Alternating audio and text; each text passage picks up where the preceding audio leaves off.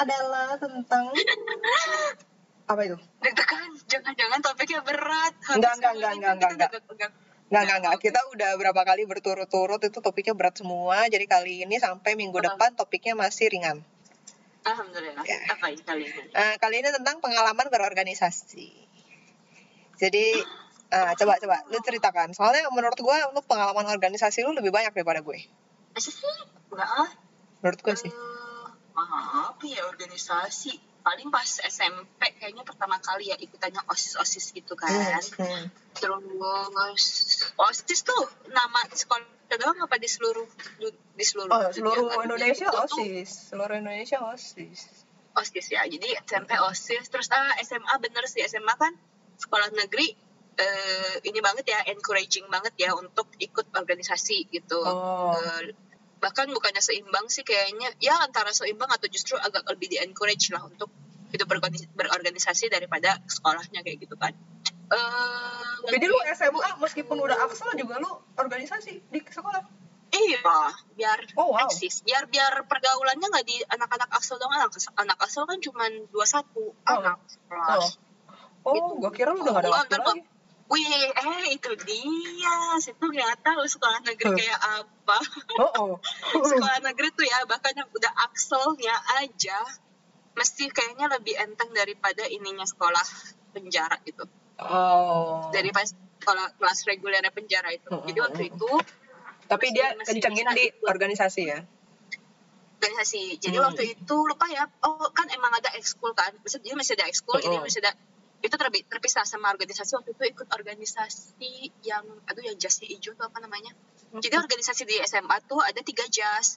Eh, Oh. tergantung organisasinya ada yang kayaknya osisnya kita itu eh, jasnya warna abu-abu Hmm. terus ada yang kayak apa sih sosial medianya sekolah gitu tuh jasnya merah itu pokoknya anak pokoknya kalau misalnya osis tuh biasanya anak-anak yang stereotipnya tuh anak-anak yang wih super prestasi gitu kalau misalnya di sekolah tuh kayaknya sekolah prestasi organisasi keren gitu kayak anak-anak eh, idola lah gitu Hmm. kalau anak-anak yang eh, jaket merah itu biasanya yang anaknya sosial komunikasi gitu.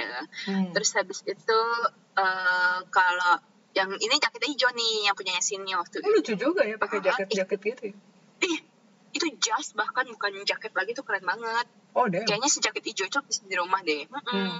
jadi itu makanya berasa keren banget deh kalau ke sekolah tuh Hmm, jalan-jalan hmm, pakai hmm, jaket gitu hmm, hmm. misalnya kita lagi gitu guys Iya, keren waktu juga. ya. itu eh, ini keren keren banget itu kita adalah lupa namanya apa tapi kita adalah mengurus kesehatan sekolah jadi kesehatan dari Oh. segi lingkungan ya jadi kita yang ngurusin tanamannya di sekolah iya, iya. ngurusin ikan di sekolah kita kita punya piaraan ikan kan di HSE kolam ya? sekolah Health and Safety Apa? Environment ya. Kalau di di perusahaan tuh HSE. Iya, iya. Oh, iya iya iya iya. Damn. iya kita ada itu terus Hmm. jadi tapi waktu itu akhirnya kan di jadi abis itu ada oh ada juga yang tugasnya adalah em, apa nemenin eh, ini loh bantuin P3K jadi habis itu Hmm. jadi dibagi tiga tuh ada yang ngurusin ikan kayaknya waktu itu ikutnya yang ngurusin ikan deh ada yang ngurusin Ikan. tanaman ada yang ngurusin P3K Oh, itu iya, buat iya. anak-anak yang sakit kan sekolah Hmm. guru yang sakit itu Oh, waktu. SMA terus oh tapi kan di luar sekolah ikut ini ya yang di gereja kan ada Mm-mm, bina iman remaja mm-mm. waktu itu sempat jadi apa tuh wakil wakil ketua. Terus Mm. sekarang ketuanya jadi ini jadi selebritis di Korea. Oh, pernah kerja sama dia tuh waktu dulu SMP Oke, oke, oke. dia tuh Hmm. Mm, dia ketuanya. Terus habis itu ada Legio Maria. Legio Maria kan lebih ke devosinya ke Bunda Maria Hmm. gitu. Tapi waktu itu tuh sempat ngejabatnya kayaknya nggak jabat apa apa deh kalaupun ngejabat paling cuma kayak sekretaris atau bendahara gitu nggak lebih. Terus ada di bina iman remaja rumah yang di di kompleks rumah itu juga sempat jadi apa tuh? Bendahara ya? Apa jadi sekretaris apa jadi wakil deh lupa. Tapi pokoknya nggak pernah menjabat jadi ketua aja. Selalu jadi second second order person gitu. Hmm. terus ada eh kayaknya PD, PDKK sih tapi bukan bukan pengurus ya kayaknya cuma ikut-ikut aja gitu jadi musik waktu itu jadi pemusik main piano itu pas masih sekolah terus kan SMA eh enggak kuliah itu oh kalau kuliah sih diwajibkan waktu itu jadi agak agak Hmm. berat ya waktu itu tanggung jawabnya itu kita diwajibin bukannya diwajibin juga tapi passive aggressively obligated gitu Oh. loh. jadi kalau Oke. misalnya jadi di, di- itu kan itu kan kampus gedenya setengah mati ya? Hmm. ada ada puluhan ribu mahasiswa di situ. Dan satunya pokoknya dia macem-macem banget. Jadi ada apa sih dia ada sat, ada eh, keluarga mahasiswa itu yang meng, mengayomi satu eh, yang mengurus satu eh, universitas itu secara eh, general. Habis itu ada juga kan unit kan tuh Hmm, waktu hmm. itu dia tuh tuh semacam ekskul waktu itu sempat ikut yang keluarga mahasiswa katoliknya sama sempat ikut marching band tapi habis itu jadwal jadwal latihannya mereka tuh midnight sampai ngelewat lewatan midnight Hmm. sedangkan kan ada jam malam eh, kosan kan waktu itu sampai jam midnight itu Mm-mm. jadi nggak bisa habis itu eh di gereja juga cuma ikut choir sih maksudnya nggak lebih dari cuman choir itu pun nggak pengurus ya cuman Hmm. ini aja tapi di himpunan which means eh, di fakultas itu tuh agak dipaksa sebenarnya karena kan begitu kita kan sebenarnya ada ospek yang satu fakultas eh ospek kan satu ini ya ospek tuh tahun pertama waktu begitu masuk itu satu kampus tuh anak-anak Mm-mm. baru semuanya di ospek Hmm. habis itu karena tahun kedua kita ke jurusan ada osjur jadi ospek Mm-mm. jurusan itu tuh ini ketahuan banget kampusnya di mana tapi ya udah Hmm. Eh, tapi itu nah sejak dari si os- ospek jurusan ini kan di setiap jurusan ada himpunan mahasiswanya lagi kan itu tuh agak-agak dipaksa sebenarnya jadi eh, pokoknya kalau misalnya nggak ikut tuh kalau misalnya nggak ikutan tuh kayaknya ya itulah di dikucilkan diomongin di inilah gitu pokoknya like Hmm. you are exiled gitu loh kalau misalnya nggak ikutan himpunan gitu Em, jadi waktu itu jadi apanya? Oh nah kalau misalnya di himpunan itu ada dua pilihan. Itu pun pilihannya sa- merasa amat sangat dipaksa sih untuk ikut apa untuk memilih ini. Jadi pilihannya yang pertama itu ada ngurusin organisasinya selama setahun itu Hmm. atau ngurusin unit unit yang di eh, di dalam himpunan sendiri gitu. Jadi waktu itu akhirnya memutuskan untuk jadi kaptennya eh, klub dancing. Soalnya kan suka nari ya Hmm. jadi eh, jadi jadi ketua eh, tim nari. Dan itu kan lumayan occasional lah. Kerjaannya tuh nggak nggak sampai sepanjang tahun rutin kayak gitu. Jadi ada oh oh wait. Ya benar-benar. Berarti sebagai ketua unit sebenarnya itu masuk di eh, yang ngurusin himpunan selama setahun itu. Hmm. tapi kan kerjaannya uh, klub dancing ya udah cuman per bulan yang penting ada latihan nari dan kalau misalnya ada event baru kita ikutan gitu kan di event himpunan kita uh, show lah gitu kita pentas. Tapi ada lagi pilihannya waktu itu adalah ngurusin ulang tahunannya himpunan. Jadi tiap tahun tuh himpunan ada event uh, dan itu eventnya lumayan besar lah. Itu itu Hmm. benar-benar satu satu jurusan da- dari dari empat angkatan itu semuanya dilibatkan. Uh, profesor-profesor juga di- dilibatkan gitu dosen-dosen. Jadi waktu nah, itu tuh kerjaannya itu juga kerjanya setahun sih. Cuman kenapa ya? Em, bedanya tuh dia lebih ke event gitu bukan ke ke organisasian. Nah Hmm. waktu itu itu ikutan juga eventnya tapi gak jadi pengurus. Itu eh, cuman ikut bantuin dana usaha seksi dana usaha gitu doang Hmm. karena itu teman-teman lumayan deket lah ketua ketua seksinya waktu itu tapi ya itu jadi eh, bahkan di himpunan tuh waktu itu sempat merasa sangat-sangat dipaksa untuk menjadi pengurus sesuatu gitu bukan cuma sekedar maksudnya kalau misalnya cuma partisipet partisipet aja itu masih oke gitu ya tapi Mm-mm. untuk ngurusin mereka tuh cukup capek Hmm, karena hmm, hmm. Bahkan sebagai eh, anggota himpunan pun apa ya kayak em, cara kita diskusi aja tuh udah beda banget mereka tuh yang bisa sampai ngalor ngidul rapat Hmm. tuh sampai jam 4 Oh, pagi tuh gua sedangkan males, besoknya kita kuliah itu tugas masih banyak Hmm. yang dan mereka tuh kalau ngomong politik banget kayak gitu yang nggak interest banget lah kayak gitu kan Hmm. dan apa apa resultnya dari meeting tuh sebenarnya nggak terlalu kelihatan gitu loh Hmm. tapi ya udah makanya abis itu kan akhirnya ya udah happy happy aja gitu ikutan club dancing kayak gitu terus oh dan club dancing waktu itu juga karena si eh, predecessornya siapa ketua sebelumnya tuh kakaknya baik jadi abis itu ya udahlah gantiin lah kakaknya kayak Hmm. gitu. Si kakak itu keren sekali. Terus eh, iya kayak gitu. Jadi agak sebenarnya lumayan capeknya itu dari cara kerja kita kerja udah beda. Mereka kan orangnya suka banget telat kan mayoritas. Sedangkan Hmm. sini kan anaknya nggak bisa suruh telat. Iya, jadi benar, dari kita sekolah benar, aja benar, udah benar. ha- semuanya harus on time kayak gitu. Iya, kan iya, itu iya. lebih capeknya di situ banyak bentrok apa ya bentrok values bentrok eh, attitude. Inilah karakter lah di situ terus eh ya sih tapi kalau misalnya habis itu eh, kan habis itu organisasi sempat yang pas gap year itu jadi habis lulus kan gap year setahunan gitu ya Hmm. itu sempat ikut dua deh kayaknya jadi satu tuh yang organisasi Indonesian Heritage Society itu yang sebenarnya adalah me- melestarikan sejarah dan kultur Indonesia lewat uh, service di ini ya apa service di museum gajah lewat di organisasi kita kan Hmm. juga ada kantornya gitu-gitu kita kenalin itu lewat buku-buku translate buku-buku sejarah kayak gitu tapi yang ironisnya adalah 90% anggotanya tuh orang luar gitu non Hmm. Indonesian waktu itu Mm-mm. dan itu lumayan senang karena itu kayak my first kayaknya itu my first ini deh multicultural uh, Organization organization ya. soalnya itu benar-benar dari banyak banget negara gitu yang Mm-mm. eh, apa dari barat dan timurnya kecamp main kecampur. Banyakan barat sih sebenarnya. Banyakan orang barat di situ. Dan itu tuh udah mulai ngerasa oh ya kayaknya emang lebih cocok gitu untuk kerja kerja dengan orang-orang yang eh, multicultural kayak gitu justru. Hmm, oke, terus sempet Mm-mm, terus habis itu sempet ikut eh, ini yang apa eh, Jakarta Play Jakarta Players Iya, juga kan? mm-mm. eh, teater club kayak gitu. Tapi itu benar-benar cuman kayak satu kali itu doang sih kayak satu kali tampil ikut eh, apa ikut castingnya terus habis itu eh, main sekali tapi habis itu nggak nggak hangout hangout lagi. Hang, hangoutnya benar-benar cuman pas kita persiapan itu doang. Terus klub organisasi apa lagi? Terus kan pindah ke sini ya pindah ke France. Nah pas di France ini ikut ASN Mm-mm. itu yang lumayan mengubah itu kan berarti kan waktu itu emang udah cukup terbiasa dengan multicultural uh, environment kan buat kerjaan Mm-mm. Uh, tapi yang bikin uh, beda adalah di situ nggak terlalu ada gap generation karena kita benar-benar anak muda semua waktu itu Mm. Um, sedangkan di Indonesian Heritage Society itu lo generation gapnya lumayan Hmm. besar karena mereka Hmm. rata-rata ya. udah 40 50-an 60-an Hmm. tahun uh, umurnya gitu. terus apa nah di ISEC tuh uh, serunya kan sempet uh, habis ikutan berapa bulan ya. Pokoknya dari awal ikutan tuh sebenarnya ditanyain mau nggak jadi tim leader gitu. Karena uh, di apa di uh, departemen yang waktu itu ikutan uh, uh, itu tuh tim leadernya lagi nggak ada. Jadi benar-benar salah satu satu-satunya tim yang nggak ada tim leadernya lah waktu itu. Jadi udah Hmm. ditanyain oh ya udahlah ikut-ikut aja. Dan itu sebenarnya ikutan ASEC karena teman deket ternyata kan eh, di ASEC itu kan. Terus habis itu um, ngelihat juga wah kayaknya oke nih eh, ini kerjaannya mereka gitu untuk professional life. Karena kan eh, nggak terlalu banyak internship ya sebenarnya waktu itu. Hmm. dari dari zaman kuliah tuh nggak terlalu banyak internship jadi pengalaman kerja tuh dikit banget sedangkan udah umur umur harus kerja kayak gitu kan.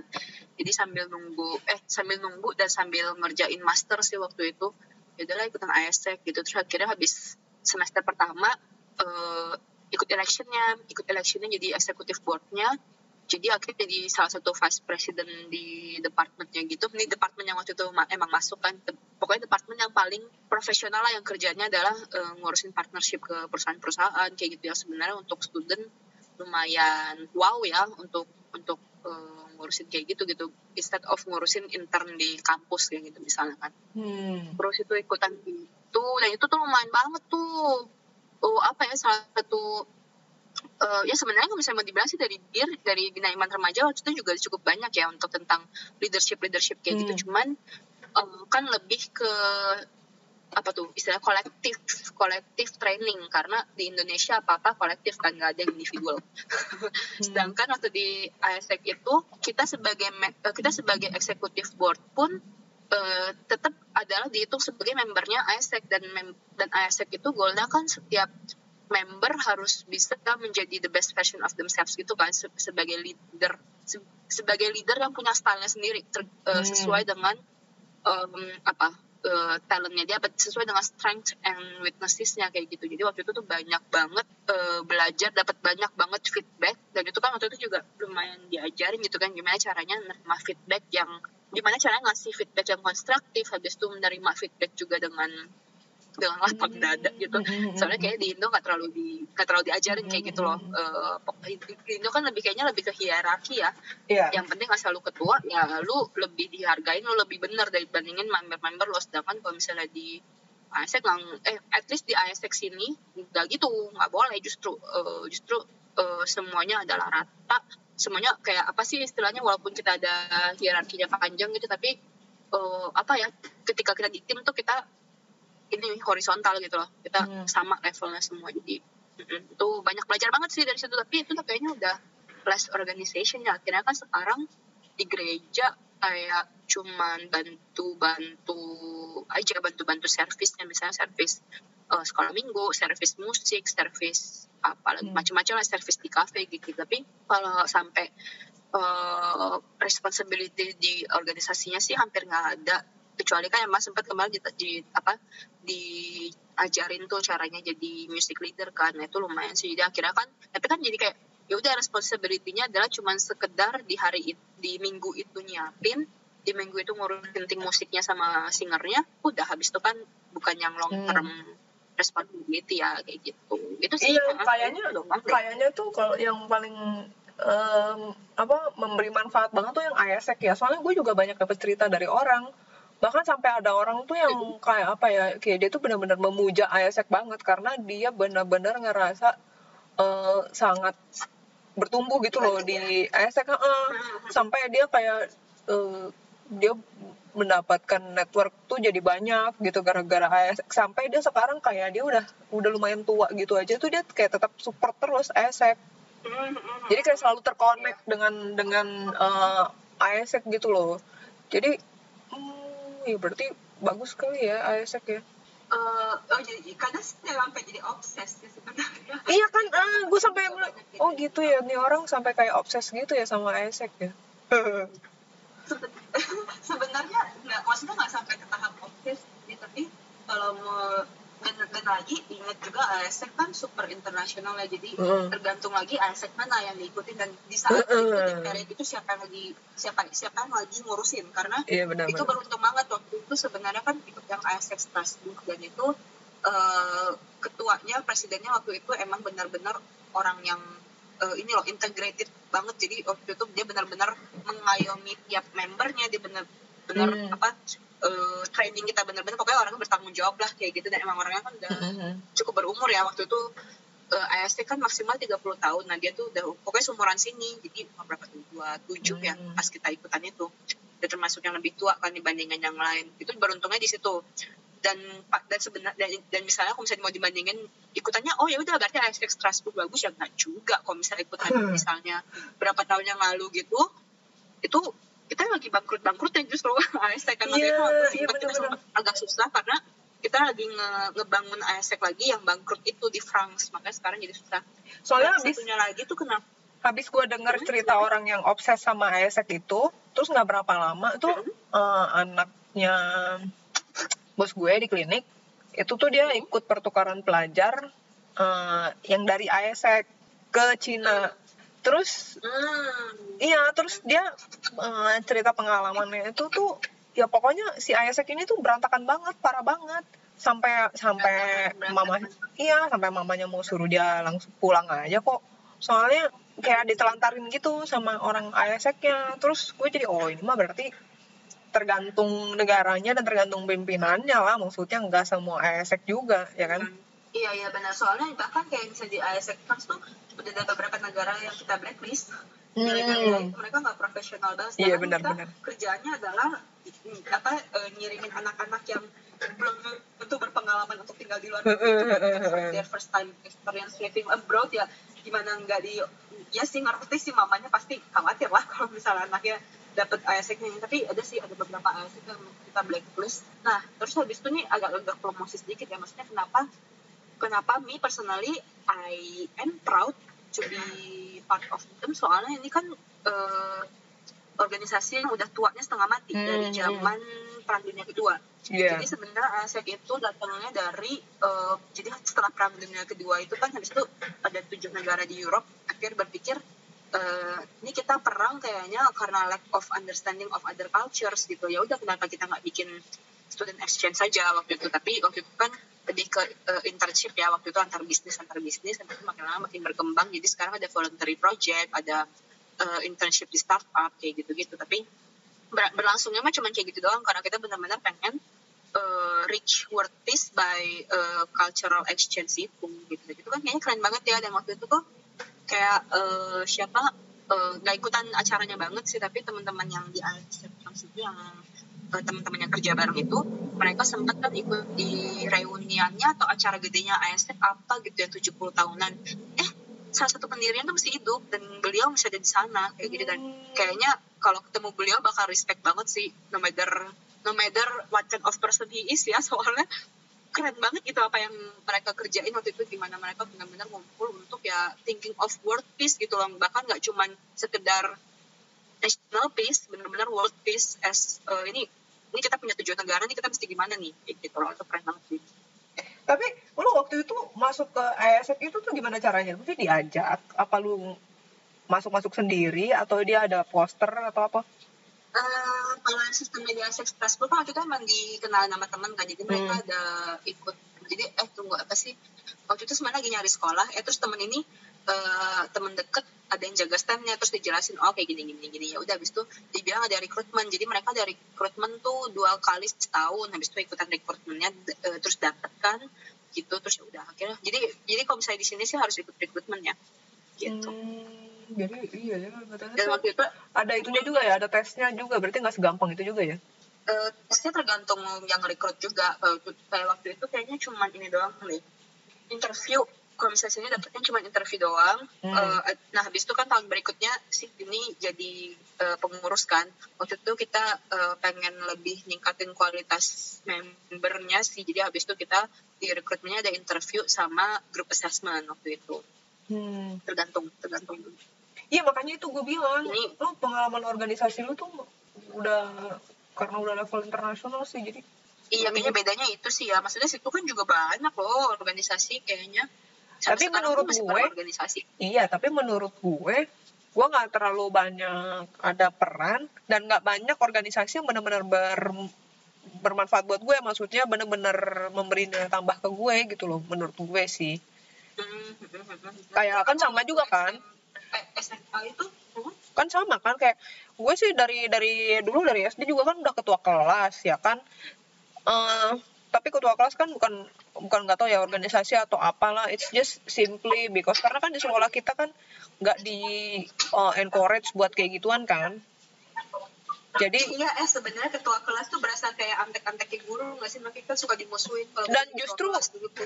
iya dan itu justru bukan bukan bukan jabatan yang bergengsi gitu loh itu justru bebe- beban gitu banget banget Jadi Itu yang- kayak kayak tumbal nggak sih? Iya, disuruh jadi eh, jadi justru yang- jadi justru yang iya dikasih dikasih tugas ketua kelas itu tuh iya justru jadi kayak tumbal gitu ya jadi gua nggak tahu ya mungkin dari kecil udah kebentuk kebentuk pikirannya tuh kayak gitu gitu loh bahwa hmm, ya kalau misalkan lu menduduki jabatan itu tuh ya ya lu dimusuhin sama teman-teman lu kayak gitu enak banget banget Mm-mm. bener. Ya jadi ya gue gue sih jadi ketua kelas sering banget ya. Simply because uh, I was always the smartest ya in the class. Terus ya itu karena rapor nggak sih? Nilai rapor. Gue juga nggak inget sih waktu itu jarang ada yang pemilihan kan itu kan kayak ditunjuk gitu kan. Ya karena nilai gue bagus Oh, iya. terus gue juga anaknya kelihatan aktif gitu kan. Jadi ya Hmm. ya udah gue aja gitu jadi ketua kelas. Cuma kan ya tugasnya apa gitu kan nggak terlalu berat juga. Cuma untuk kerjaan yang nggak terlalu berat eh ya ditumbalin gitu. Karena anak-anak yang lain pada nggak mau kan. Jadi gue tuh ya dari Iya, kecil tuh berpikirannya itu udahlah tambahan tanggung jawab terus jadi maksudnya punya jabatan itu sesuatu hal yang nggak menyenangkan gitu. Eh, terus kalau waktu di bir sih gue nggak pernah gue sih nggak gue nggak tahu ya gue gue lupa waktu di bina iman itu yang pasti gue nggak pernah jadi ketua tapi apakah gue ada di bagian timnya itu tuh gue nggak inget. Terus eh, SMP SMA kan osis ya. Nah osis itu gue juga ngerasa sih gue nggak terlalu banyak peran gitu. Waktu osis SMP itu gue di publikasi seinget gue. Kerjaannya bikin mading kan. Kerjaannya bikin mading ya gue bener-bener nggak nggak terlalu banyak inget lah apa yang terjadi di osis itu karena gue nggak ngerasa nggak terjadi apa-apa. Tidak menambah tidak menambah kualitas diri gue juga. Terus ya gue jadi osis karena gue bisa gitu aja. Karena nilai gue bagus. Jadi gue lolos. Terus pas SMA juga ya pas SMA gue osis. Nah pas osis itu pas SMA itu eh, itu lumayan banyak kejutan sih. Karena gue gue lupa juga. Kayaknya gue di bagian publikasi juga. Terus eh, pas itu adalah per- ada pertama kalinya tuh osis ada pelatihan yang dikoordinasi sama ketua osis yang sebelumnya. Nah si ketua osis yang sebelumnya ini nih gue nggak tahu sebelumnya di sekolah di mana. Terus dia bikin pelatihannya itu di luar eh, jam sekolah gitu pokoknya out of the box. Dan dia bikin pelatihannya tuh ala ala ospek gitu loh. Oh, iya yang eh, kayak dibentak-bentak kayak gitu. Terus ada baris berbarisnya. Terus yang well eh, pada waktu itu gue nggak tahu gue sebenarnya cukup setuju apa enggak. Cuma yang pasti itu di luar kebiasaan. Jadi kayak ada permainan. Jadi satu sekolah itu hari itu minggu kalau nggak salah itu dipakai buat kita main kayak ala-ala Amazing Race kayak gitu.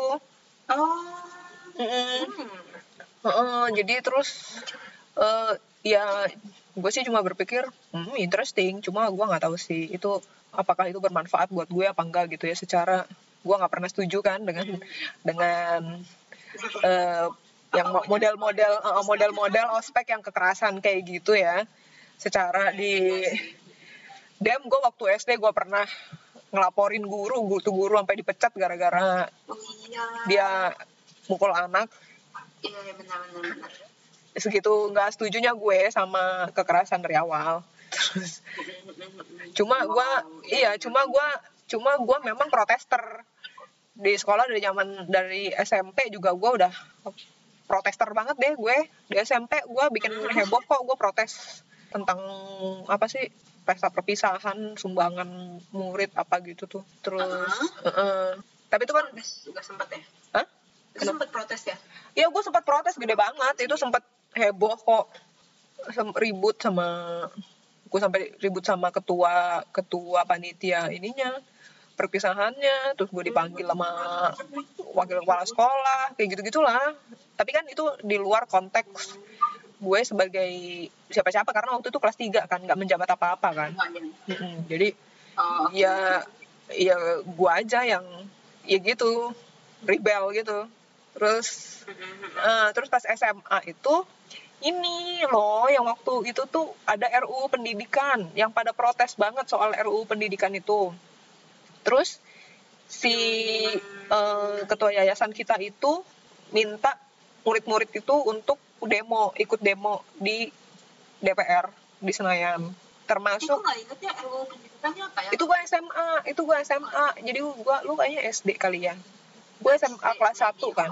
Mm-mm. RUU pendidikan. Kan Hah? apa pengga- penggantinya jadi apa ya maksudnya? Mengganti menjadi apa? Enggak, RUU pendidikannya waktu itu adalah so pelajaran agama yang gue ingat ya. Pelajaran agama tuh harus masing-masing. Jadi meskipun sekolah kita sekolah Katolik, anak Islam tetap harus belajar agama Islam kayak gitu loh. Sesuai agamanya masing-masing. Heeh. Terus harus harus menyediakan tempat ibadahnya juga apa? Gua gua nggak nggak terlalu ingat sebenarnya. Gua nggak ingat dan gua nggak tahu dan waktu itu gua nggak peduli soal RUU pendidikan ini gitu loh. Makanya iya dan dan dan memang nggak dijelasin juga. Jadi gua nggak tahu mereka tuh protesnya kenapa. Gua nggak ngerti. Seperti biasa kan gua nggak suka kalau gua nggak ngerti tapi ini kan maksudnya gua nggak akan melakukan sesuatu yang gua nggak ngerti gitu loh. Jadi eh waktu tapi waktu itu gue osis. Dan si osis itu eh, kayaknya either diwajibin atau diharapkan untuk ikut demo itu gitu loh. Kayak eh ya implicitly mandatory sebagai anggota osis eh sebagai pengurus osis buat ikut demonya itu gitu. Dan gue nggak ikut. Ya karena gue males lah panas-panasan. Ya even sa- Iya. sampai sekarang aja meskipun gue ikut menolak RU eh ikut ikut mendukung RUU PKS itu penghapusan kekerasan seksual aja gue nggak pernah turun ke jalan karena gue nggak mau panas-panasan ya kan Iya, iya. iya gue nggak suka aja gitu terus nah habis itu ternyata dia ngamuk dong si ketua yayasan itu dia ngamuk habis itu besokannya gue kena reshuffle Oh, oh, loh. Mm-mm. Reshuffle yang baru berapa minggu itu terus di reshuffle itu tuh itu. iya heeh, itu urusan itu gue di Oh, iya, reshuffle soalnya kan si eh ingat-ingat ketua OSISnya siapa itu loh. Jadi si, ini si ketua OSIS yang menga- ini ketua OSIS yang sama yang mengadakan si ini ya training yang ala-ala ospek itu ya. beda Oh beda lagi. beda lagi Oh. ini gue gue nggak tahu ya gue kecampur apa Kirain gimana Itu reshuffle. Oh, iya tapi eh enggak beda. gue gua agak agak mix gitu gue agak lupa timelinenya gimana tapi eh, iya si ketua osis yang lu tahu itu akhirnya kan dimakzulkan kan terus Di apa? Di, diturunkan paksa di kudeta gitu kan. iya iya itu parah banget itu parah banget sih. Ya itu. Nah gue itu itu sesudahnya kayaknya.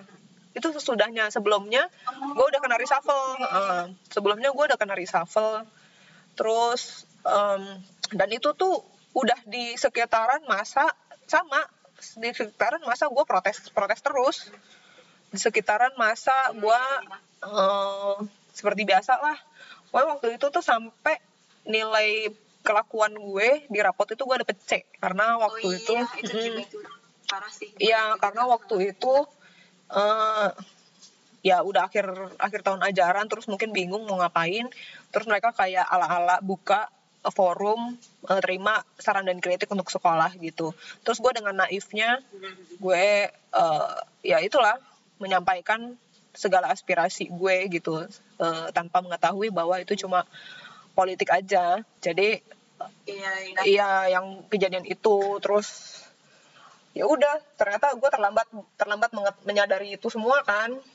Jadi pas uh, gue menyadarinya udah deket-deket disuruh presentasi gitu dan gue udah nggak selera buat presentasinya lagi. Terus jadinya ya udah ambiar kayak gitu ya udahlah. Habis itu uh, gue ikut yang kaderisasi itu Ingat gak? Itu setelah ya berarti. Setelah uh, itu okay. itu kelas 2 deh. Singkat gue itu tuh kelas 2. Hmm. Ada kaderisasi hmm. itu kan. Nah, menurut menurut gue sih buat gue itu uh, pengalaman organisasi gue yang lumayan memberikan manfaat buat gue. Bukan hmm. secara organisasinya, bukan di manajemen skillnya, tapi di wawasan baru gitu. Jadi si kaderisasi ini kalau OSIS kan untuk internal sekolah kan kegiatan di dalam sekolah kan. Jadi di kaderisasi ini berharapnya bisa ada kegiatan eksternal gitu. Nah, hmm. itu tuh anak-anaknya tuh di, di testing dulu gitu dan gue lolos. Terus uh, tes apa? Tes tulis ya. Tes tulis kayak tes minat bakat apa gimana gitulah gue lupa juga. Pokoknya dites dulu. Hmm. Terus uh, uh, terus gue lolos, terus ada pelatihannya. Pelatihannya itu tiga harian gitu kalau nggak salah di Sukabumi Terus, nah di dalam pelatihan inilah yang gue ngerasa itu uh, itu pintu pertama gue terbuka terhadap isu-isu politik, sosial kayak gitu-gitu. Jadi itu pertama kalinya gue diajarin tentang sistem ekonomi, sistem kapitalisme, sosial budaya hak asasi kayak gitu gitulah gue gue belajarnya tuh di situ. Yang mana itu kan sama sekali nggak diajarin di sekolah kan yang padahal seharusnya diajarin di sekolah. iya, yang seharusnya itu jadi pelajaran wajib menurut gue, tapi itu kan enggak. Uh, yang menurut gue membuat gue ngerasa so special, ternyata di kehidupan nyata that's not special at all. Yeah, terus, oh. nah, nah itu gue nggak inget gimana gimana kejadiannya, tapi itu gue jadi ketua di situ. Setelah pelatihan iya, itu di vote ya Uh, kayaknya ya, kayaknya ya setelah gue lupa gimana caranya deh, tapi ada ad, apakah dipilih dulu kandidatnya terus anak-anak vote apa gimana gue nggak tahu, tapi gue lupa. Uh, habis itu setelah pelatihan milih ketua kan dan gue jadi ketuanya. Nah waktu itu tuh kayak ada project gitu.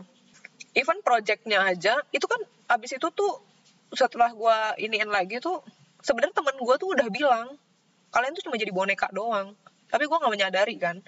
Abis itu tahun kedua ada pelatihan lagi. Nah pas pelatihan itu di dalam pelatihan itu tuh dia uh, salah satunya tuh kita diskusi soal pemilihan ketua osis yang berikutnya. Nah di situ tuh baru gue menyadari bahwa iya kaderisasi itu cuma jadi bonekanya si ketua yayasan doang gitu. Karena setelah kita mendiskusikan terus kita keluar dengan pilihan kita hasil diskusi kita siapa yang mau kita support itu ditolak sama si ketua yayasan itu. Nah dengan alasan? Ya dia nggak setuju. Dia nggak setuju dengan orang yang akhirnya kita pilih berdasarkan hasil diskusi kita gitu. Ya menurut gue sih anak-anak memang salah juga ya. Anak-anak memilih siapa yang paling gampang menang keputusan yang populis gitu loh. Hmm. pilihannya memang waktu itu nggak ada yang oke. Cuma ya akhirnya gue menyadari iya emang itu cuma boneka doang. Dan yang waktu itu sih uh, ada pengalaman ya di situ waktu di tahun yang pertama tahun pertama kaderisasi itu. Itu um, projectnya itu disuruh bikin project itu untuk ngajar kan. Ngajar anak-anak nelayan ya di Cilincing situ. Eh, eh, nah terus gue survei gitu kan. Nah itu tuh kayak karena gue nggak ada pengalaman organisasi sebelumnya yang harus ngerjain kayak gituan gue tuh benar-benar ngeblank. Gue nggak gue nggak tahu itu tuh gue mesti ngapain gitu. Gue nggak kepikir sama sekali. Jadi gue nggak tahu. Gue cuma disuruh survei tapi gue nggak tahu apa yang akan gue lakukan selama survei itu dong. Hmm. Nah pas jadi gue survei ya udah gue cuma lihat-lihat aja gitu-gitu. Gue nggak tahu apa yang harus gue ketahuin di situ gitu. Dan ya dan bodohnya gue juga gue nggak nanya ya karena ya karena gue udah keburu takut dulu kan kan. Ini kan karena si kaderisasi ini benar-benar di bawahnya si ketua yayasan itu si Mm-mm. jadi ya udah gue cuma jalan itu gue nggak tahu. Nah habis itu pas balik gue nggak tahu kalau gue diharapkan untuk membuat laporan. Jadi Oh mereka nggak ngomong juga dari awal siapa? nggak ngomong. Jadi gue jadi gue nggak tahu ya. Mungkin mereka berpikir bahwa gue udah ngerti semua prosedur itu gitu. Which ternyata gue nggak tahu sama sekali. Jadi setelah gue pulang survei ya gue cuma eh, apa menjadwalkan untuk rapat sama anak-anak gitu loh. Cuma buat kayak sharing gitu. Hmm. ternyata dia minta ternyata dia minta ini laporan.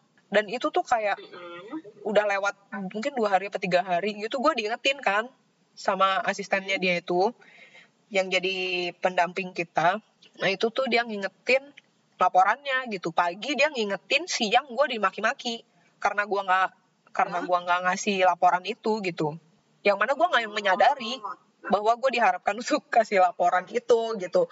Ya udah itu udah jadi itu udah cuma jadi cerita dan pengalaman aja gitu. As usual sekali lagi gue jadi ke ini lagi bahwa ya jabatan itu suatu hal yang nggak menyenangkan gitu. Jadi gue jadi gue sih nggak pernah nggak pernah jadi nggak pernah lagi kayak berambisi atau berharap menjabat apa gitu. Jadinya ya makanya gue tuh selalu bingung gitu kalau kayak gue nonton film-film di luar negeri kok orang tuh kayak pada berambisi banget gitu mau mau jadi ikut ini ikut itu terus menjabat ini menjabat itu kayak sampai benar-benar usaha banget supaya mereka menjabat itu dan gue benar-benar nggak ngerti karena sepanjang di sekolah kan bukan suasana itu yang dibangun kan sampai Iya iya. Nah sampai kuliah juga. Nah kuliah itu ya kalau kuliah sih beda masalah ya. Kalau kuliah kan karena gue memang nggak bisa dan nggak ada waktu kan. Waktu itu gue ada di hubungan yang abusive itu jadi gue nggak bisa. Sampai lulus pun gue nggak benar-benar nggak ikut organisasi apa-apa ya. Cuma tergabung yang di itu apa SKK itu apa tuh? Pokoknya anak-anak Katolik itu. Terus gue ikut yang eh, persekutuan doa itu kan tapi kan gue nggak sebagai apa-apa gitu gue cuma eh, eh. pas yang di persekutuan doa itu gue cuma karena keisengan gue aja gue iseng-iseng bikin kayak magazine gitu loh kayak majalah kecil gitu awalnya tuh kan buat Oh. Iya, gue udah bikin iseng-iseng, gue bikin kayak zine gitu. Gue cuma itu cuma pakai fotokopi doang, gue susun artikelnya, terus cuma gue fotokopi, terus gue terus di eh, apa di staples gitu, terus udah gue cuma bagiin di di kelompok gue doang. Tapi terus ternyata tuh menyebar, itu menyebar. Terus eh akhirnya itu PDKK eh, sama ketuanya itu disuruh bikin ini, disuruh bikin majalah beneran gitu. Disuruh bikin tabloid beneran Oh. Dari keisengan gue itu. Eh tunggu ini, P- ini PDKK yang di Surabaya. di rumah ya? Eh Nah, yang di Surabaya Oh. pas gue kuliah. Surabaya. Oh oke oke Heeh. lucu. Heeh. Terus terus. Tapi ya udah ya siswa setelah itu kejadi di disusun timnya untuk bikin majalah itu gue juga nggak aktif lagi karena waktu itu kayaknya gue udah Jadi, kayak udah udah udah nggak seru lagi gitu buat gue Bro, ya kan gue bikin cuma buat lucu-lucuan. Aktif ya sama eh, sama organisasi. Iya, sebenarnya nggak nggak sebenarnya nggak ini juga, tapi ya gue sebenarnya sih agak-agak gue sempat nyesel karena gue nggak rajin ikut itu ya, nggak rajin ikut organisasi waktu kuliah. Soalnya eh ya ternyata kan dengan organisasi itu kan membangun network ya, dan di dunia pekerjaan kan network kan penting banget gitu. Sebenarnya gue cuma berharap soal itu doang sih network doang. Karena gue sih ngerasa gue gue nggak bener-bener nggak terbuka sama sekali network gue karena gue nggak bergaul itu pas di kampus. Jadi gue bahkan nggak tahu kakak kelas gue tuh banyak yang gue nggak kenal adik kelas gue tuh gue banyak nggak kenal. Teman seangkatan gue sendiri aja tuh bener-bener cuma dikit doang sisanya kayak gue cuma tahu tahu gitu. Tapi gue ah gue nggak deket sama sekali lah. Pokoknya sama kampus tuh gue nggak deket sama sekali. Terus sebenarnya kan di kampus gue tuh lumayan keren-keren sih Eh, organisasinya ada Mapala ada Forisma kayak gitu-gitu. Dan eh, harusnya sih bisa bisa menambah apalah gitu ya. Misalkan kayak Forisma gitu ya. Forisma kan eh, ilmiah ya. Untuk forum ilmiah apa gitulah. Heeh, jadi nah itu tuh banyak tuh anak-anak yang dari Forisma itu tuh akhirnya mereka ada loh temen gue yang dari Forisma itu mereka eh, rajin udah rajin bikin jurnal-jurnal gitu dari zaman kuliah. Terus dia sampai dapat beasiswa Oh, cool. Wow. Iya, jadi ya gue istilahnya gue setengahnya iri lah, maksudnya oh, gue nyesel ya kok gue dulu nggak ada nggak ada waktu dan gue maksudnya waktu gue ya karena ada di hubungan itu, terus sis- sisanya kan gue waktunya gue pakai untuk memperbaiki nilai gue doang kan. Jadi gue nggak aktif di organisasi apa apa, gue nggak kenal siapa-siapa. Terus kesempatan gue jadi nggak terbuka banyak gitu, tapi ya udahlah gue pikir. Jadi sampai sekarang tuh eh, untuk membaca jurnal-jurnal penelitian itu gue sebenarnya banyak yang gue nggak ngerti. Gue cuma ya gue cuma bisa membaca seperti orang awam membaca gitu. Nggak ada itu kan kayak ada angka-angka keterangannya apa gitu tuh gue nggak ngerti gitu. Karena itu anak-anak Forisma tuh ngerti. Jadi ya ya sebenarnya Forisma tuh apa sih? forum Forum ilmiah mahasiswa ya? Gue lupa gue nggak kayak itu. Ilmiah mahasiswa. Oh, kayaknya ya iya. kayaknya ya. Heeh, jadinya ya sebenarnya sih cuma kayak gitu doang. Kadang kalau ngeliat tuh ya oh, oh seandainya ya kalau gua kalau gua rajin di organisasi mungkin gua lebih gampang dapat kerja kayak gitu. Tapi ya di sisi lain gue juga ngerasa nggak terlalu rugi juga karena Iya. eh, iya karena ya ternyata di kerjaan gue juga kan nggak ditanyain banget ya. Mungkin kalau kerja di tempat lain ditanyain ya. Organisasi kamu apa heeh. ternyata kan nggak juga kalau di tempat gue kan. Jadinya ya udahlah cuma ya kadang-kadang aja kepikiran kalau seandainya gue aktif di organisasi itu kayak gimana ya.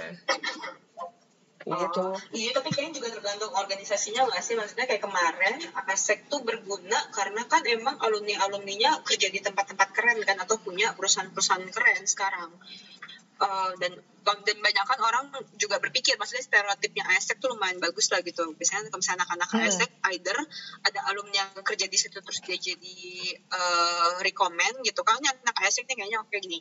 Atau ya mereka cuma dengar-dengar hmm kayaknya ASEC dengar-dengar anak-anaknya kece ya. Jadi at least di dipanggil interview tuh biasanya agak-agak lebih lah gitu. Cuman ya gak semua organisasi juga mau apa iya. ya. menguntungkan gitu kan. Iya kayaknya. Soalnya kayaknya sama organisasi yang di kampus itu tuh sama resenya sama organisasi kampus lu yang mana anak-anaknya cuma keleran doang di ruang di ruang itunya organisasinya. Terus meeting sampai jam berapa yang gak jelas nggak jelas itu gua nggak ngerti deh.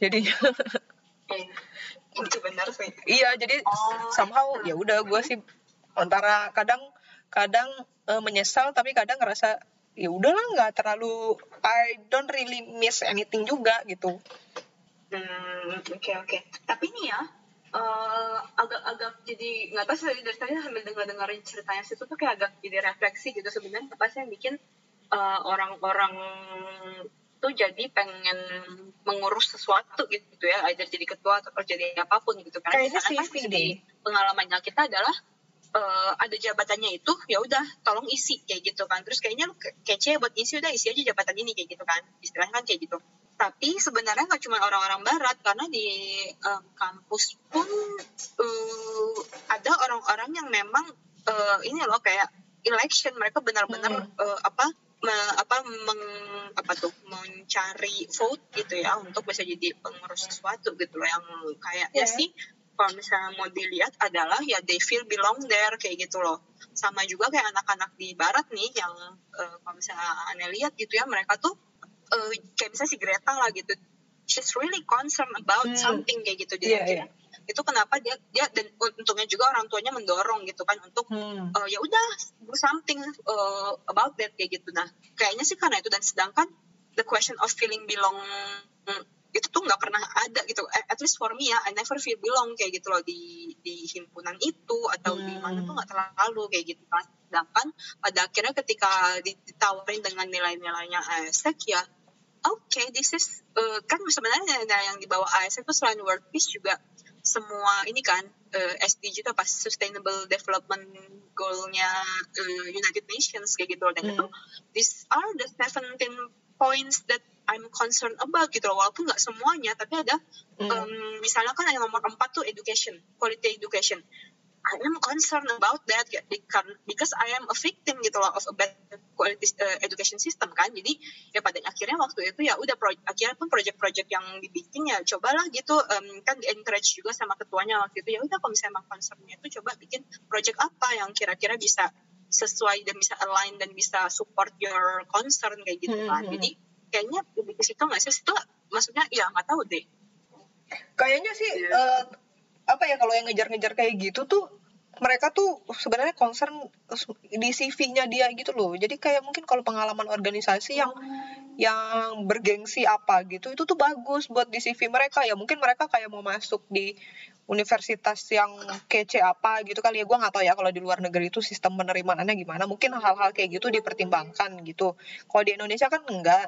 Uh, tapi kan ada tadi gue bilang kan ke beberapa kantor itu kayak uh, mempertimbangkan juga ya pengalaman organisasi ya mungkin ya gue nggak tahu karena gue nggak pernah dipertimbangkan urusan organisasi itu uh, uh, mungkin mungkin kurang lebih itu kayak kalau sekarang itu soal sosial media makanya orang beramai-ramai aktif uh, di sosial media bikin konten-konten yang membangun itu terutama kalau misalkan kayak dokter ya sekarang itu penerimaan untuk spesialis itu itu salah satunya mempertimbangkan sosial media hah hah Uh-uh. Apa itu? Jadi kayak yang gue tahu ya kantor-kantor itu sekarang kalau misalkan nerima itu tuh mereka sekalian ngecek sosial medianya juga. Hmm. Mm-hmm. Terus kalau Iya minimal maksudnya kalau di kantor sih mereka ngecek kayak ini bukan kayak uh, orang ISIS kayak gitu loh itu yang kira-kira bakal terkait sama HTI kayak gitu-gitu. background check ya kayaknya. Iya, background checknya itu Iya, background checknya itu tuh dari sosmed. Terus kan biasanya kan ngecek kan sosmednya tuh tuh gimana apakah dia bisa menambah network kantor gitu loh. Wah, wow. uh -uh. oh, oke. Okay. Salah satunya itu juga pertimbangannya. Terus ya pernah posting-posting yang sensitif-sensitif kayak gitu apa enggak gitu. Itu dicek. Kalau di kantor yang sekarang ya gue tahu. Uh, kalau di masuk spesialis itu tuh di di ceknya itu maksudnya itu bukan dicek itu kayak ada poin poin plus kalau misalkan udah punya sosial media yang kontennya itu uh, bermanfaat untuk kesehatan dan sesuai sama jurusannya itu gitu loh jadi misalkan kayak gue mau masuk uh, spesialis mata gitu misalkan ya nah gue udah gue udah berusaha membangun belum tuh uh, akun yang uh, isinya tuh menunjukkan ketertarikan gue di spesialisasi mata gitu. Uh -uh. Jadi jadi kayaknya tuh itu menambah poin untuk bisa diterima juga karena uh, yang nggak tahu ya sebenarnya kan ada unsur populer nggak populer gitu gue nggak ngerti deh. Tapi itu jadi jadi pertimbangan juga gitu. Ya mungkin sama kalau dulu mungkin dilihatnya dari jabatan-jabatan organisasi kalau sekarang dari sosmed. Oh iya sih bisa juga. Wow. Mm -mm the world change ya. Iya, jadi sekarang kayaknya nggak terlalu uh, sekarang kayaknya nggak terlalu penting kali ya untuk untuk organisasi ya pengalaman organisasi. Bisa juga bisa jadi sih. Tapi iya gue setuju juga. Kalau misalnya nggak tahu sih. Gue sih setuju kayak misalkan tergantung dari concernnya kita juga ya. Soalnya kayak oh gue kayak di, di PB nih ya. Ah, gue sebut apa enggak nih singkatannya PB nih? Iya juga. Oh, uh, Jadi kalau misalkan kayak di di PB itu, -uh. uh, itu kan komunitas ya sebenarnya ya. Dan gue bagian dari tim intinya kan. Tapi gue, oh, okay. uh, tapi gue nggak merasa gue berorganisasi di situ karena gue enjoy. Nomor satu. Terus nomor dua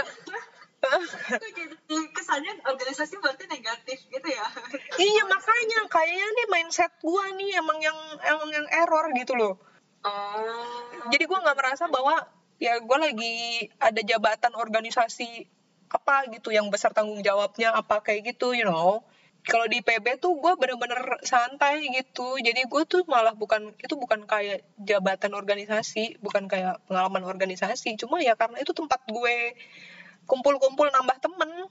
Hmm, Oke oke. karena meski lagian itu mungkin satu terus mungkin karena gue enjoy. Dua emang kerjaan gue tuh nggak banyak. Gue tuh cuma istilahnya kayak ya gue kayak tangan kanannya si si CEO-nya itulah. Cuma kayak eh, dimintain pendapat kayak gitu-gitu doang. Terus nyari konten juga nggak terlalu ini.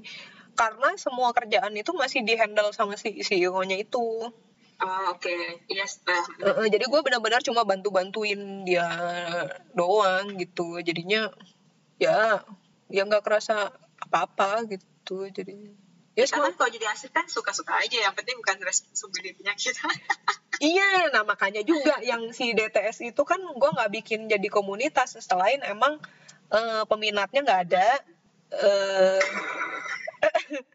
peminatnya nggak ada yang mau bergabung sama gue terus iya terus ya gue setengahnya juga sebenarnya gue agak males untuk ngejadiin komunitas karena kalau komunitas itu kan kayak perlu dirawat gitu kan dan gue tuh bener-bener ngerjain DTS itu bener-bener mau maunya gue Hmm. iya jadinya Iya sih, soalnya kan jadi harus kompromi ya kalau misalnya udah jadi organisasi kayak gitu. Aduh, iya banget. Sementara kan ya DTS itu ya media gue belajar dan media gue berekspresi juga kan. Jadinya ya udahlah, gue pikir mungkin awalnya ya gue berharapnya kalau misalkan ada yang berminat gitu akhirnya bisa jadi komunitas gitu atau minimal jadi tim lah ya. Minimal gue ada ada yang bantuin kan. Tetapi so far nggak ada yang berminat terus eh, akhirnya gue pikir-pikir juga ya udah DTS ini bentuknya gerakan aja nggak usah dalam komunitas atau apa. Supaya supaya maksudnya hmm, kalau gerakan itu kan lebih lebih enak ya. Maksudnya ya udah pakai aja gitu. Semua orang mau pakai nama DTS juga nggak apa-apa. Emang kan eh, gue nggak mau ini jadi ada satu figur gue gitu kan sebagai brandnya DTS gitu loh. Sementara ya kalau sekarang kan udah kayaknya itu udah nggak terelakkan lagi. Secara kalau diminta jadi pembicara adanya cuma gue. Gue nggak ada orang lain lagi. Jadi kayak setengah. Eh, iya Iya, sementara ya gue berharapnya dari awal nggak ngebrand nggak ada muka gue jadi brandnya di situ gitu loh. Tapi ya udahlah sekarang kayak udah terlanjur gitu. Gue berharapnya tuh sebenarnya ya udah gerakan ini jadi gede ya gede aja. Mau dicatut apa gitu ya asalkan value-nya sama ya monggo aja. Supaya benar-benar gerakannya doang yang jalan gitu loh. Bukan Hmm. Malah nggak perlu ada gue yang harus mengkoordinasi apa gitu. Ya itu karena balik lagi gue maunya kan mau mau semaunya gue kan. Gue nggak mau, gue males ngatur-ngatur ini itu ini itu karena again jabatan-jabatan itu tuh menurut gue tuh tanggung jawab dan melelahkan gitu. Gue nggak suka sampai kayak gitu gitu. Malah, malah disadvantage ya sebenarnya bukannya advantageous malah. Iya makanya sebenarnya paling gue kalau misalkan itu gue cuma butuh bantuan satu orang doang. Cuma supaya bantu gue konsisten dan nge-backup kalau gue lagi males. Kalau misalkan sekarang kan kayak lagi males kan benar-benar langsung kosong kan, nggak ngapa-ngapain kan diem aja kan tuh akunnya. Mm-mm. Tapi kalau misalkan ada yang bantu kan, ya kalau gue lagi rajin gue ngisi, kalau gue lagi males ya dia ada yang ngebantu, ada yang ngebantuin dia gitu. Tapi bahkan itu pun nggak ada ya sudahlah. Hmm, eh tapi tadi sempat kepikiran juga sih maksudnya cukup bersyukur ya kayak eh, apa waktu kita zamannya sekolah gitu tuh orang tua nggak pernah eh ngoblok ngoblok ngoblok apa istilahnya kayak ngoyong apa sih eh, encourage ayo jadi ketua ayo eh, elect kayak gitu gitu kayaknya sih nggak pernah berasa di gitu sih tuh pernah berasa nggak di Enggak sih. sama papa mama Soalnya nggak usah digituin, gue otomatis sudah jadi ketua kelas. Si kayaknya kayak si papa kan teman-teman yang keselnya teman-teman sama Iya. guru-guru yang biasanya malah cukup Enggak, soalnya kan intervensi si si papa kan juga dulu ketua kelas kan dan tanpa dia minta gue udah jadi ketua kelas. Even dari kelas 2 SD atau kelas 3 gitu gue udah jadi ketua kelas. Jadinya ya udah maksudnya dia mungkin udah cukup udah cukup bangga aja udah cukup puas aja kali ya. Iya papa dulu juga Hmm. selalu jadi ketua kelas gitu ya udah Iya tapi kayaknya nah itu aja yang heran ya. Kayaknya papa tuh cukup bangga untuk jadi ketua kelas gitu. Kita kayaknya enggak. malah kelas itu nggak tahu apa. Itu tuh sangat menyiksa justru kan justru gitu nggak jadi ketua kelas tuh Iya, kayak males. leganya setengah mati se- setahunan itu. Hmm. sayang banget ya. Terus ini juga tapi jadi kepikiran deh. kita bah kita harus bahas lebih lanjut lagi soal ini ke kepemimpinan ini pen, apa pendidikan kepemimpinan ini di episode di season 2 ya kalau kita bahas Oh, tentang sekolah kita. Iya iya kayaknya ya harus dilanjutin. Tapi last point tadi sempat ke, sempat aja sih kayak cuma kepikiran gitu soalnya kayak kan ternyata kan situ sangat amat protester gitu ya di luar tapi ternyata kok bisa gitu kayak di rumah malah jadi ada, kes- ada kesulitan untuk protes nggak suka les piano atau apa gitu kayak hmm, kaget aja gitu maksudnya iya ya kenapa bisa situ protesnya keluar tapi kok di rumah sul- lebih sulit untuk mengekspresikan itu kayak gitu. Nggak tahu ya apa mungkin karena di rumah gua ngerasa gua nggak punya chance untuk berhasil protes gitu? Hmm. apa apa itu atau eh nggak tahu. berhasil protes. Nggak juga ya nggak juga malah lebih lebih kecil loh di sekolah tuh. Ya ya chance untuk protesnya. Atau justru karena gua nggak ada gua nggak nggak bisa protes di rumah jadi gua protesnya di sekolah. Hmm, ya mungkin ya bisa jadi mungkin ya soalnya sebenarnya di, di sekolah tuh lebih serem loh begitu kita benar-benar ini kan kita bisa dikeluarin kalau di rumah kan kita nggak bakal dibuang di jalan enggak sih enggak sih kalau Eh, enggak, enggak, enggak, enggak. Sekolah kita enggak, enggak gitu juga. Yang seumur-umur dikeluarin itu, gua nggak pernah tahu deh. Di, dikeluarin itu karena apa tuh? Kalau di sekolah kita. Gue sih nggak pernah sih ada anak yang dikeluarin. Nggak tahu nggak tahu nggak Nggak gue. juga kenapa ya Enggak, enggak, enggak, enggak, enggak. nggak ingat Enggak, enggak, enggak sampai enggak sampai dikeluarin sih kayaknya. Apalagi cuma protes-protes. Sebenarnya protes gua itu kalau ketahuan ngerokok gitu dengerin nggak? Oh iya, kalau ngerokok enggak, tapi kan enggak ada. Kalau narkoba kali ya. Narkoba kan enggak ada juga. Ngerokok enggak ada. Karena itu juga kan biasanya ada peringatan-peringatan dulu kan. Tapi enggak. Sebenarnya juga sebenarnya juga eh, aksi protes gua kan seharusnya difasilitasi. Maksud gue, gua ada aspirasi. Cuma kan emang sekolah kita itu kan sekolah yang diktatorial ya. Jadinya dianggapnya itu sebagai protes. Padahal ya itu aspirasi sebenarnya. Kalau sekolahnya demokratis itu nggak dianggap sebagai protes seharusnya. Iya, oh, oke oke, iya iya benar-benar. Sistem sekolah kita aja. Hmm, sistem sekolah kita yang kayak gitu dan nggak ada anak lain yang ber- bersuara gitu. Jadi suara gue Iya. iya suara gue itu dianggap Kenceng sebagai banget. iya kenceng bang jadi kenceng banget jadi menonjol banget dan apa kesannya tuh kayak berani gitu padahal itu kan suatu hal yang wajar aja semua orang justru seharusnya semua murid itu bisa menyuarakan suaranya gitu Iya. Eh, by the way, berasa nggak sih kayak aneh karena cabangnya sekolah kita yang pusatnya itu justru anak-anaknya sangat amat berani berekspresi ya.